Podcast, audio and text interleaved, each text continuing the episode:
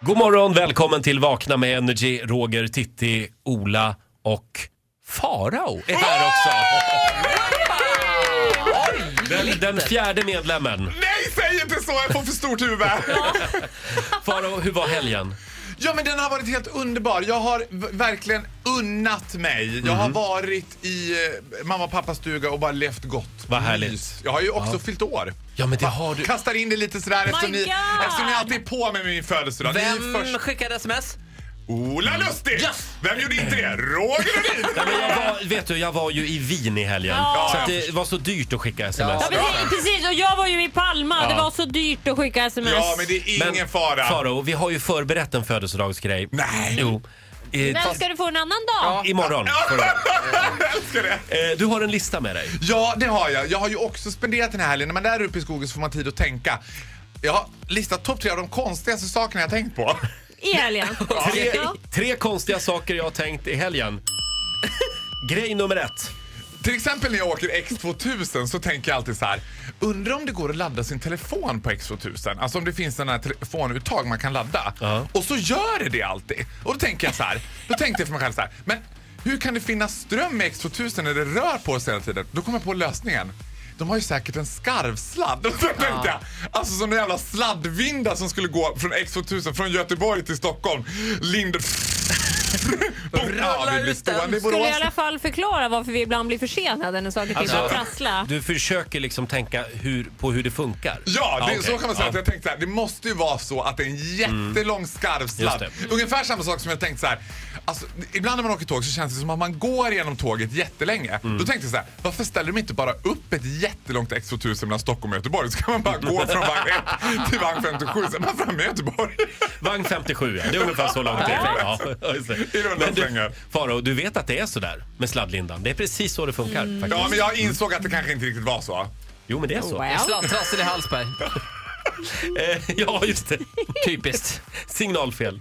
Eh, ja, grej nummer två du har tänkt på i helgen. Ja, det här är också så här, ni vet man hör såna här urbanska myter. Mm. Och jag är ju ett stort fan av Céline Dion och då var det en sån här urbansk myt om henne att hon byggde en tunnel från sitt hus till sin loge i Las Vegas. Är det här en urbansk myt alltså? Ja, det är en urbansk myt. Det kommer det bli om, om ungefär 100 år. Då kommer man kalla det här råttan i pizzan Céline's tunnel. kommer Var den heta då. ligger Urbanien? Ja. Urban!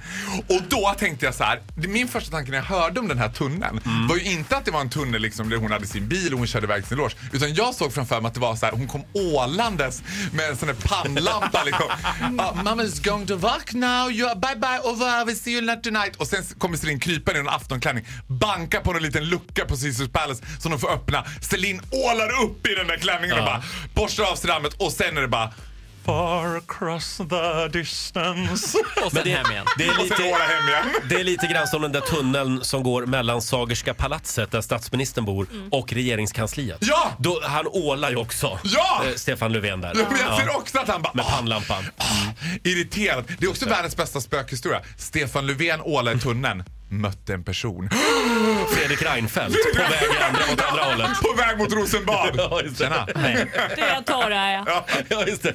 Ordna vidare. Okej, eh, grej nummer tre som du har tänkt på i helgen. Ni vet ju att jag älskar att flyga. Flyga är ju kanske typ det bästa jag vet. Ja. Och då har jag tänkt på en sak så här. Att när man flyger så finns det väldigt mycket konstiga saker man hela tiden ska förhålla sig till. Som man helt okommenterat gör bara för att det ska vara så. Eh, och nu när jag flög senast till Portugal så var de fruktansvärt noga med säkerhetsbältena. Mer noga än vad jag någonsin har varit. Och då tänkte jag för mig själv så här. Men om man kraschar, är det någon som säger ah, Tur att jag hade bälte på mig. Nej. Nu, hur mycket kan det bältet verkligen stoppa? Då kom jag på en Mm. bättre lösning. Jaha. Då tänkte jag så här, precis när planet störtar, om man precis innan det slår i marken hoppar av. finns ju de som har funderat på sånt här i hissar också. Ifall vad gör Ja. jag om vajrarna går av? Räcker det om Jag jag hoppar hoppar. till lite på slutet bara? Är jag safe då?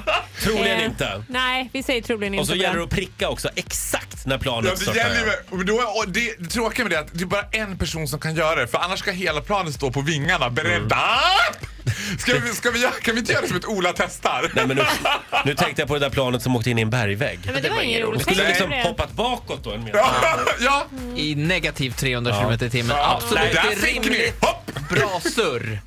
Ja. Nej hörni, nu är vi klara med dig känner jag. Ja, ni känner ganska ofta det. Ja, ni det vill blir- knappt vi komma igång hamnar innan där. ni blir klara med mig. Tack för den här morgonen. Du får en applåd av oss Ja! Farao. Hej då!